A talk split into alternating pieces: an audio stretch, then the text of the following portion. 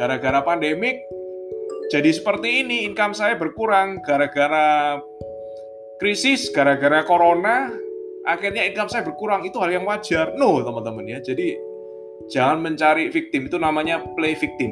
Play victim itu kita menganggap diri sebagai korban, teman-teman ya. Kalau kita play victim, itu kita nggak bukan jadi orang yang berdaya, teman-teman ya. Yang menarik adalah ini teknologi, teman-teman. Itulah alasan ya kenapa saya masuk di bisnis online itu teknologi. Jadi kalau teman-teman lihat, teknologi itu adalah masa depan, teman-teman. Ya. Teknologi adalah, adalah masa depan. Apalagi waktu pandemi ini teknologi berkembang luar biasa ya. Dan teknologi itu nilainya priceless ya, tidak ternilai, tidak terhingga ya.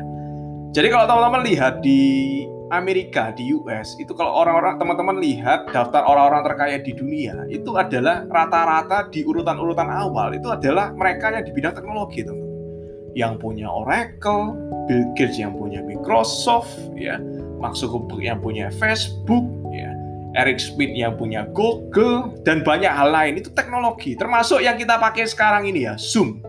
Teman-teman tahu nggak? Kita pakai Zoom.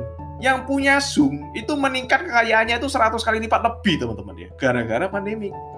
Jadi jangan jadi alasan. Kalau teman-teman play victim, income-nya berkurang, ya.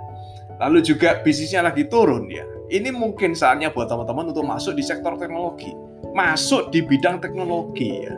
Saya ini saya ini investor investor teman-teman ya. Saya investor saham. Ada satu saham yang luar biasa ya, DCII ya. Itu teknologi teman-teman. Yang menarik saya nggak cerita sahamnya apa ya. PT DCI Indonesia, DCII singkatannya ya. Yang menarik adalah dia baru IPO teman-teman. Perusahaan data center ya, IT ya yang menarik adalah nilai bukunya dia, saya tahu ya. Saya investor saham, saya tahu perusahaan ini tuh ada isinya atau enggak. Saya tahu perusahaan ini tuh laporan keuangannya seperti apa. Nah, ketika saya lihat yang menarik adalah nilai bukunya itu cuma nggak sampai satu triliun ya, 918 miliar something ya. Yang menarik adalah valuasinya today hari ini market cap-nya berapa, teman-teman. Teman-teman bisa cek sendiri ya. Teman-teman bisa cek sendiri. Informasi di luaran sana itu udah lengkap nilai market value-nya dia itu 140 triliun. Ya. Saya ulangi, 140 triliun. Ya.